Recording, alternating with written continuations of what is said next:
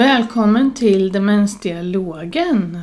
Nu var det ett tag sedan vi sågs Liselott och här sitter jag, Kerstin Angvik och Jag är Liselott Björk och det är kanske är bäst att presentera sig lite extra för jag har lite så här, inte riktigt med lik i rösten eller?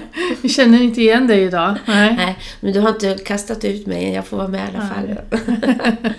Vi har haft lite förkylningar och vi har varit lite sjuka Mm. Så är varsitt håll här Ja. under en period. Ja. Mm. Men trevligt att ses igen. ja detsamma.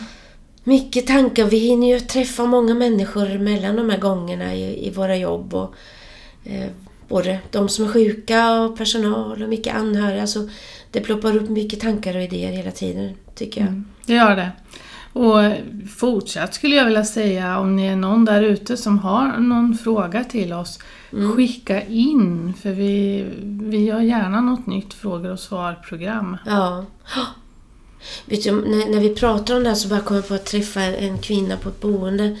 Hon bodde där men hon hade ingen kognitiv sjukdom men hennes man bodde där också hade en demenssjukdom. Jag träffade henne i veckan då och jag blev så glad för att komma fram så att du, det var så bra det där du pratade om för du, du pratar på ett sätt som man förstår. Du använder inte de där krångliga orden. Och jag tänker det är ju din, din och min intention med den här podden att vi vill göra det på ett enkelt sätt om man så kallar det, så vardagligt sätt som möjligt. Mm. Med tanke på det vi möter i våra jobb och så. Mm. Även om vi sysslar med det här på fritiden. Precis, så är det ju. Ja. Men vet du något som, som jag skulle vilja prata om idag? Det är det här som många tycker jag upplever blir väldigt svårt för många när en person på grund av demenssjukdom får ett beteende av att man ropar mycket. Och man, eh, man kan ropa upprepande hela, hela tiden och det är svårt att veta vad det beror på och vad, vad ska vi göra åt det? Möter du det också? Mm, det gör jag. Och min erfarenhet är också att om, ett rop, om ropandet har hållit på för länge, Mm. då blir det ett beteende. Ja, det blir befäst. Ja. Då blir det jättesvårt att bryta det. Ja. Så man måste börja någonstans tidigt och Mm. fundera på vad det handlar om. Och när du säger att fundera på vad det handlar om, det är precis som med allting annat. Så kan ju det här vara så, stå för så väldigt mycket, eller hur? Mm, kan göra. Och så, så jag tänker just i den här änden att, att hur tar vi reda på vad är det personen försöker berätta för oss? Mm. Varför ropar man? Har du några tankar om vad, vilken, vad brukar du råda personal Ja, till men- om vi men först-? Allra först så måste man titta på det basala, tänker jag. Ropar man för att man har smärta? Mm, Och där måste man ju teamet gå ihop som man verkligen har. Alltså, och teamet, då tänker jag sjuksköterska, undersköterska, läkare. Eh, alltså så man har uteslutit så det inte handlar om något kroppsligt. nej.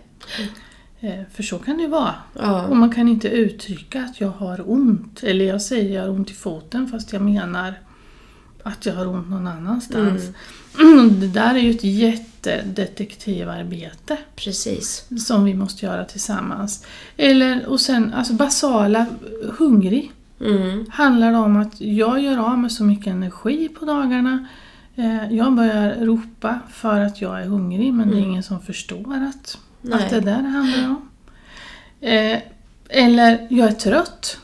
Jag behöver lägga mig och Precis. vila. mm, Fast jag inte kan gå och lägga mig själv för jag kanske inte klarar av att gå längre eller jag förstår inte vad sängen är eller hur man ska göra när man Nej. lägger sig och vilar. Jag vet inte vad du tänker, men jag tycker ofta det är bra när, när man, oavsett vad det är för beteende så som vi försöker komma åt, att göra en, en längre kartläggning, alltså försöka se något slags mönster i det. För jag upplever många gånger att man får till sig, alltså om man träffar en personalgrupp till exempel i handledning, att nej men det där kommer helt plötsligt och vi vet inte. Det, vi kan sitta bredvid eller vi kan vara tillsammans med många eller ensam så kommer det. Men jag upplever ändå att kan man göra som det jag tänker beteendeschema under minst en vecka, gärna 14 dagar, dygnet runt, så går det ofta att hitta någon slags mönster om man är som du säger detektiven. Vad hände precis innan? Vad gjorde vi då? Eller är det en viss tid på dygnet? Ja, men jag håller med man måste på något sätt kartlägga. Mm. Vi, vi är så trötta på att dokumentera. Mm. Så är ja. det ju. Ja. Alltså för allt ska dokumenteras. Men ska vi komma någonstans med svåra beteenden Så, för vi är så många som jobbar. Ja, visst. De behöver vi kartlägga, det Ja. tror jag absolut. Ja, och, och framförallt det här tänka att vad någonting beror det på. Det är inte så bara att någon sitter och ropar för skojs skull. Så. Men sen tänker jag också försöka tolka det här ropet. Är det liksom ett ängsligt rop? Att hjälp, hjälp, så här, eller är det Hallå, hallå! Men det, det, en rop kan ju också vara på så väldigt olika sätt. Försöka, f- och då kommer, tänker jag till nästa steg, kanske be- beror det på ångest? Är jag orolig? Känner jag mig ensam, övergiven? Eller eh, tycker jag att eh, nu vill jag ha sällskap av någon, kom hit. Och så här. Ja, det kan ju vara både och. Ja, Ja. för ibland så är vi lite slarviga tycker jag med den här exis- existentiella ångesten. att ehm, Precis som att jag inte kan uttrycka mig om jag har ont så kanske jag inte kan uttrycka att jag är orolig. Jag känner inte igen mig själv, jag vet inte var jag är. Och då, att det är klart att människor som har en demenssjukdom kan, kan behöva medicinsk hjälp också. Men vi måste ju utesluta allt det här andra först då med bra omvårdnadsåtgärder. Mm. Dels tänker jag att vi måste utesluta och sen måste vi fundera tvärtom också tänker jag. Vad är det för någonting som den här personen tycker om? Ja, Vad precis. är det som gör att man inte ropar just, Just då? det. Likaväl som vi måste kartlägga när man ropar så behöver vi kartlägga när ropar man inte. Mm. Och kan vi förstärka och förlänga de situationerna? För jag tror det där krutet sen behöver läggas in. Nu blev jag sådär glad när du säger det här. För, för precis det så känner jag också att vi, det är lätt att vi fastnar i det som vi vill ha bort, det som inte är önskvärt och det någon verkar inte må bra av. Men precis det här du säger, att börja nysta i det andra. Och där tänker jag att beteendeschemat kan vara till hjälp också. När ser vi de där stunderna? Om det är fem eller minuter bara, men där mådde någon gott. Och vad, vad gjorde vi då? Och där kan vi behöva lyfta fram att det är inte bara ropet vi ska titta på. Nej, vi ska minst lika mycket titta på när vi har de goda stunderna. Ja. För det är de vi vill förlänga i slutändan. Och det här är ju inte alltid så lätt. Jag har för mig att du för, för många, många år sedan var och- och berättade om när du observerade på ett boende där en, en man, det var ganska lugnt, om jag tror vid en matsituation, men så var det någon som började slå ett glas i bordet. Ja, Minns precis. du vad jag ja, menar? ja, jag minns vad du menar. Ja, alltså, jo men jag satt och observerade och det här var en man som började ropa varje kväll. Och man kunde inte förstå varför han ropade. Och jag, personalen var ju inte där så de kunde ju inte se vad det var som hände. Men i det här boendet så satt en annan kvinna och så började hon att slå med sitt glas. Och gör det du Liselott. Den här mannen hade jobbat med hästar i hela sitt liv. När han hörde det här ljudet så blev det en trigger till hans hästar. Mm. Och en trigger till att han var tvungen att gå ha- ta hand om de här hästarna. Och då började han att ropa Hallå, kom och hjälp mig! Ni måste hjälpa mig, hästarna måste ha mat och vi måste mocka och vi måste göra. Mm. Eh, och han ropade Hallå, hallå! Och ingen förstod någonting. Och han, ska, han har hallucinationer och vanföreställningar och han ska ut till sina hästar. Mm. Och så fanns det en anledning till att det hade triggats igång. När man, den här kvinnan behövde ju fortfarande ha något att dricka men man bytte mugg till henne och sen gjorde man ordning lite på bordet så det blev mjukare. Ja, Så inte han hörde de här den här triggern. hästhovarna Mm. som smattrar mot, mot bordet. Det här är ju intressant liksom hur man kan komma på det också. Då kände ni den här personen och förstod att det här kan låta som hovar och sådär. Ja, man får ju ha lite fantasi Ja. själv också. I vad det är som händer.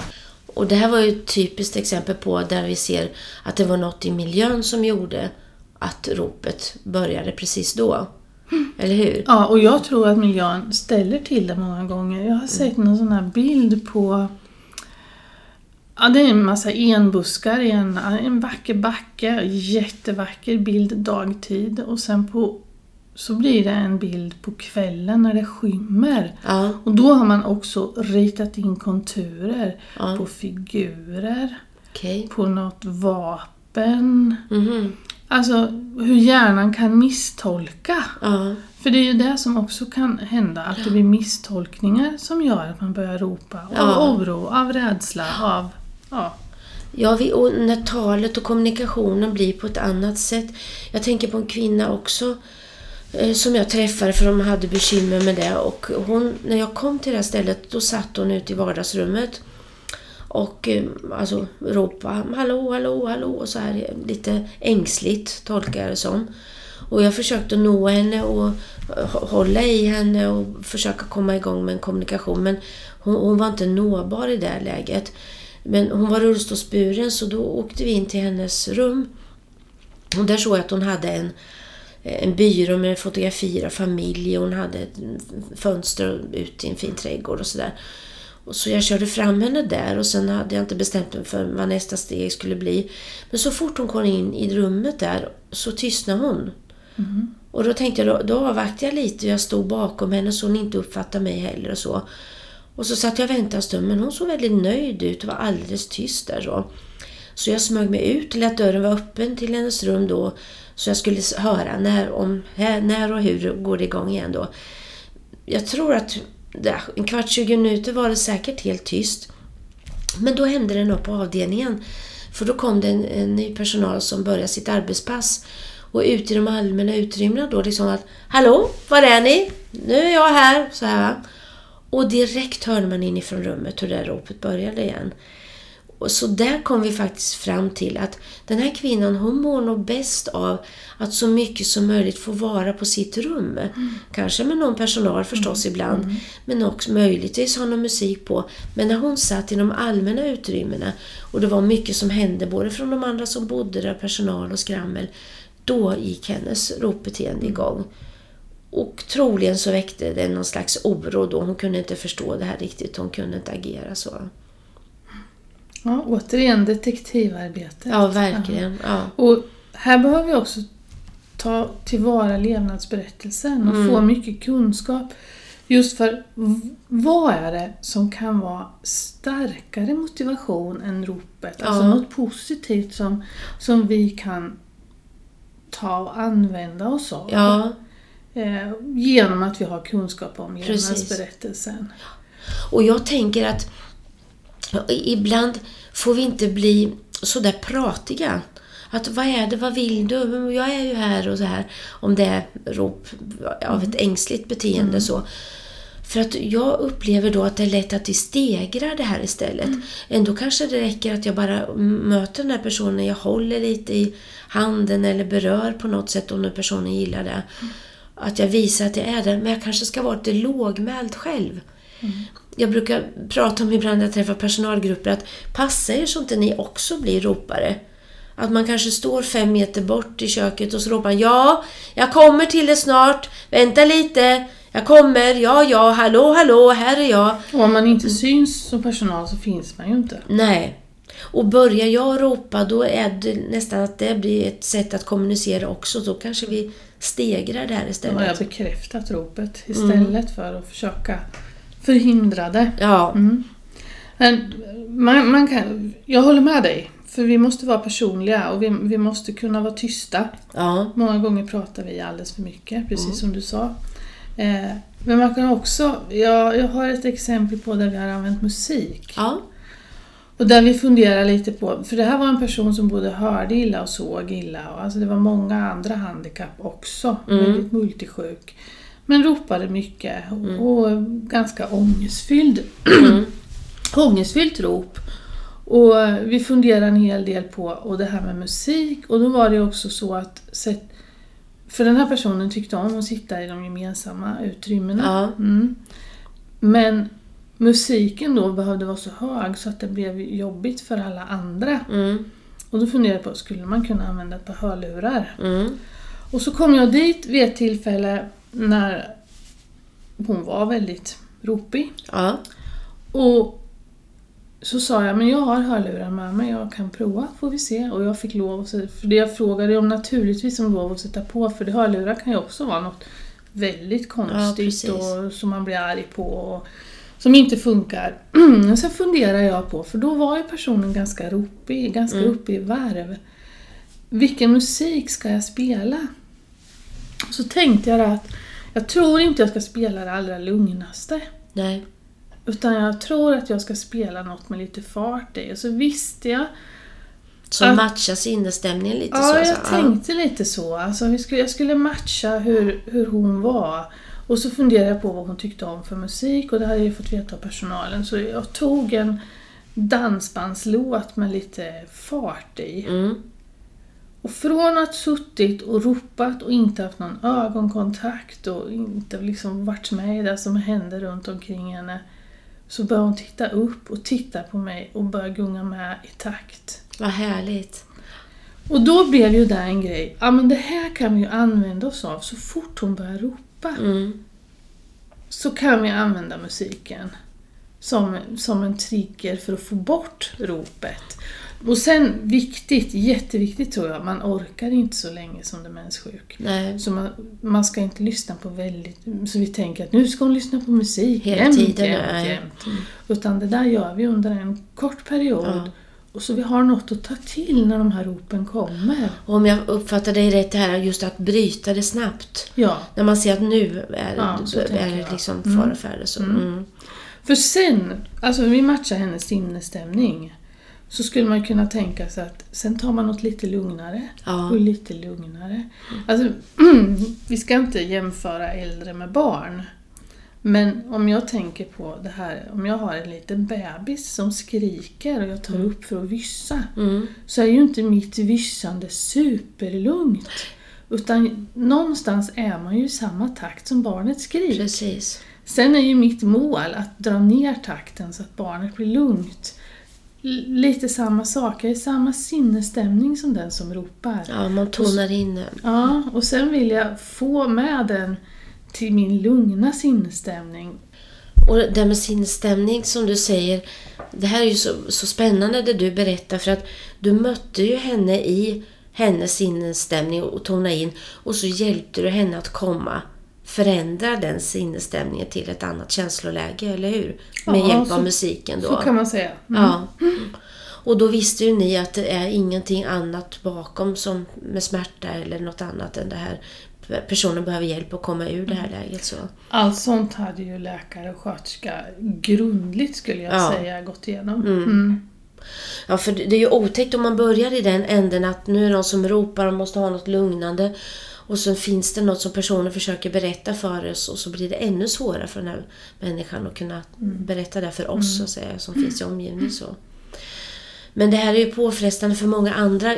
Jag, jag har hört en sån här tips när man vet då att ingen, det beror inte på smärta och så här saker, det har blivit ett, ett eh, befäst beteende.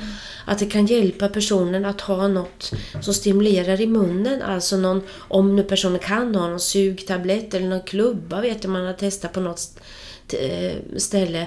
Alltså för då, dels mekaniskt blir det ju så att eh, det blir beröring kan man säga i munhålan som gör att oxytocin frigörs att man kan få en lugnare känsla i kroppen. Men också rent mekaniskt så är det lite svårare att ropa då så det hjälper personen att sluta med det. Och för det är ju faktiskt så att han eller hon själv blir ofta också stressad av ropandet. Jag är inte medveten att jag ropar men jag hör något som låter. När, när du säger oxytocin och beröring där så då är det ju också men då är det att bygga på de här goda stunderna, stunder Ja. som personen mår bra, att vi börjar ge beröringsmassage, Mm. eh, alltså handmassage. Eh, när man mår så bra som möjligt och att vi gör det konsekvent varje dag Ja. under en längre period för att se, kan det hjälpa att öka välbefinnandet och de Precis. goda stunderna? För det är också ett sätt att kommunicera och då får vi bort det här med orden så vi inte triggar igång varandra istället. Så. Ja. Men du, klockan går här nu. Om du Mm. skulle sammanfatta, alltså vad är viktigt att tänka på? Nu, nu jobbar jag där det finns någon som har börjat ropa, vad ska vi göra? Ja, jag tänker som med det mesta. Ta, ta reda på, gör någon form av kartläggning, beteendeschema så att vi vet när startade. Och, och det du sa från början är att förstås ta reda på de här basala så att det inte är smärta, att man inte är hungrig eller vad det nu kan vara för någonting så. Det är ju A och O förstås så att vi inte bara börjar i andra änden så. Men och titta, var noggrann när du tittar på den här kartläggningen, beteendeschema. Och som du sa också det här att titta också när mådde personen bra, när ropade han eller hon inte? Och kan vi göra lite, lite mer av de situationerna Mm, så skapa fler och fler tillfällen för det. Men som med alla möjliga beteenden vi människor har, så något är det ju den här personen försöker förmedla till oss. Men är det något beteende som vi ska ta hand om snabbt så skulle jag vilja säga att är det just det här. För det är svårt om det blir ett befäst beteende och, och få bort det sen då. Och det är jobbigt för personen själv också. Mm. Det här skapar ju stress både hos personen själv men också ofta i omgivningen, både bland andra boende och bland personal förstås. Vi kan inte ha det så här. Nej, det kan vi inte. Vi måste försöka göra någonting åt det, Ja. absolut. Och det är vi som har, anser oss friska som kan försöka hjälpa och göra något åt det. Men när du sa att det skapar stress, Mm. då tänker jag så här, det här med stress. Ja, Det är någonting som vi kanske pratar lite lite om i demensvården. ja. Ja, men vi, vi är stressade som personal, ja men Mm. det pratar vi en hel del om. Mm. Eh, men hur mycket pratar vi om hur de som är sjuka har det? Mm. Är de stressade? Det tycker jag. Vi tar med oss den frågan till nästa avsnitt då, eller? Ja, absolut. Det tycker jag också. Och så säger vi hej då från Linköping idag. Ja, det gör vi. Ha det så bra. Och just det, vi kanske ska säga att vi lägger ut som vanligt lite sammanfattning av det här avsnittet på Instagram och på vårt eh, Facebook-konto. Ja, det gör vi. Ja. Ja. Ha det bra. Hej då! Hej!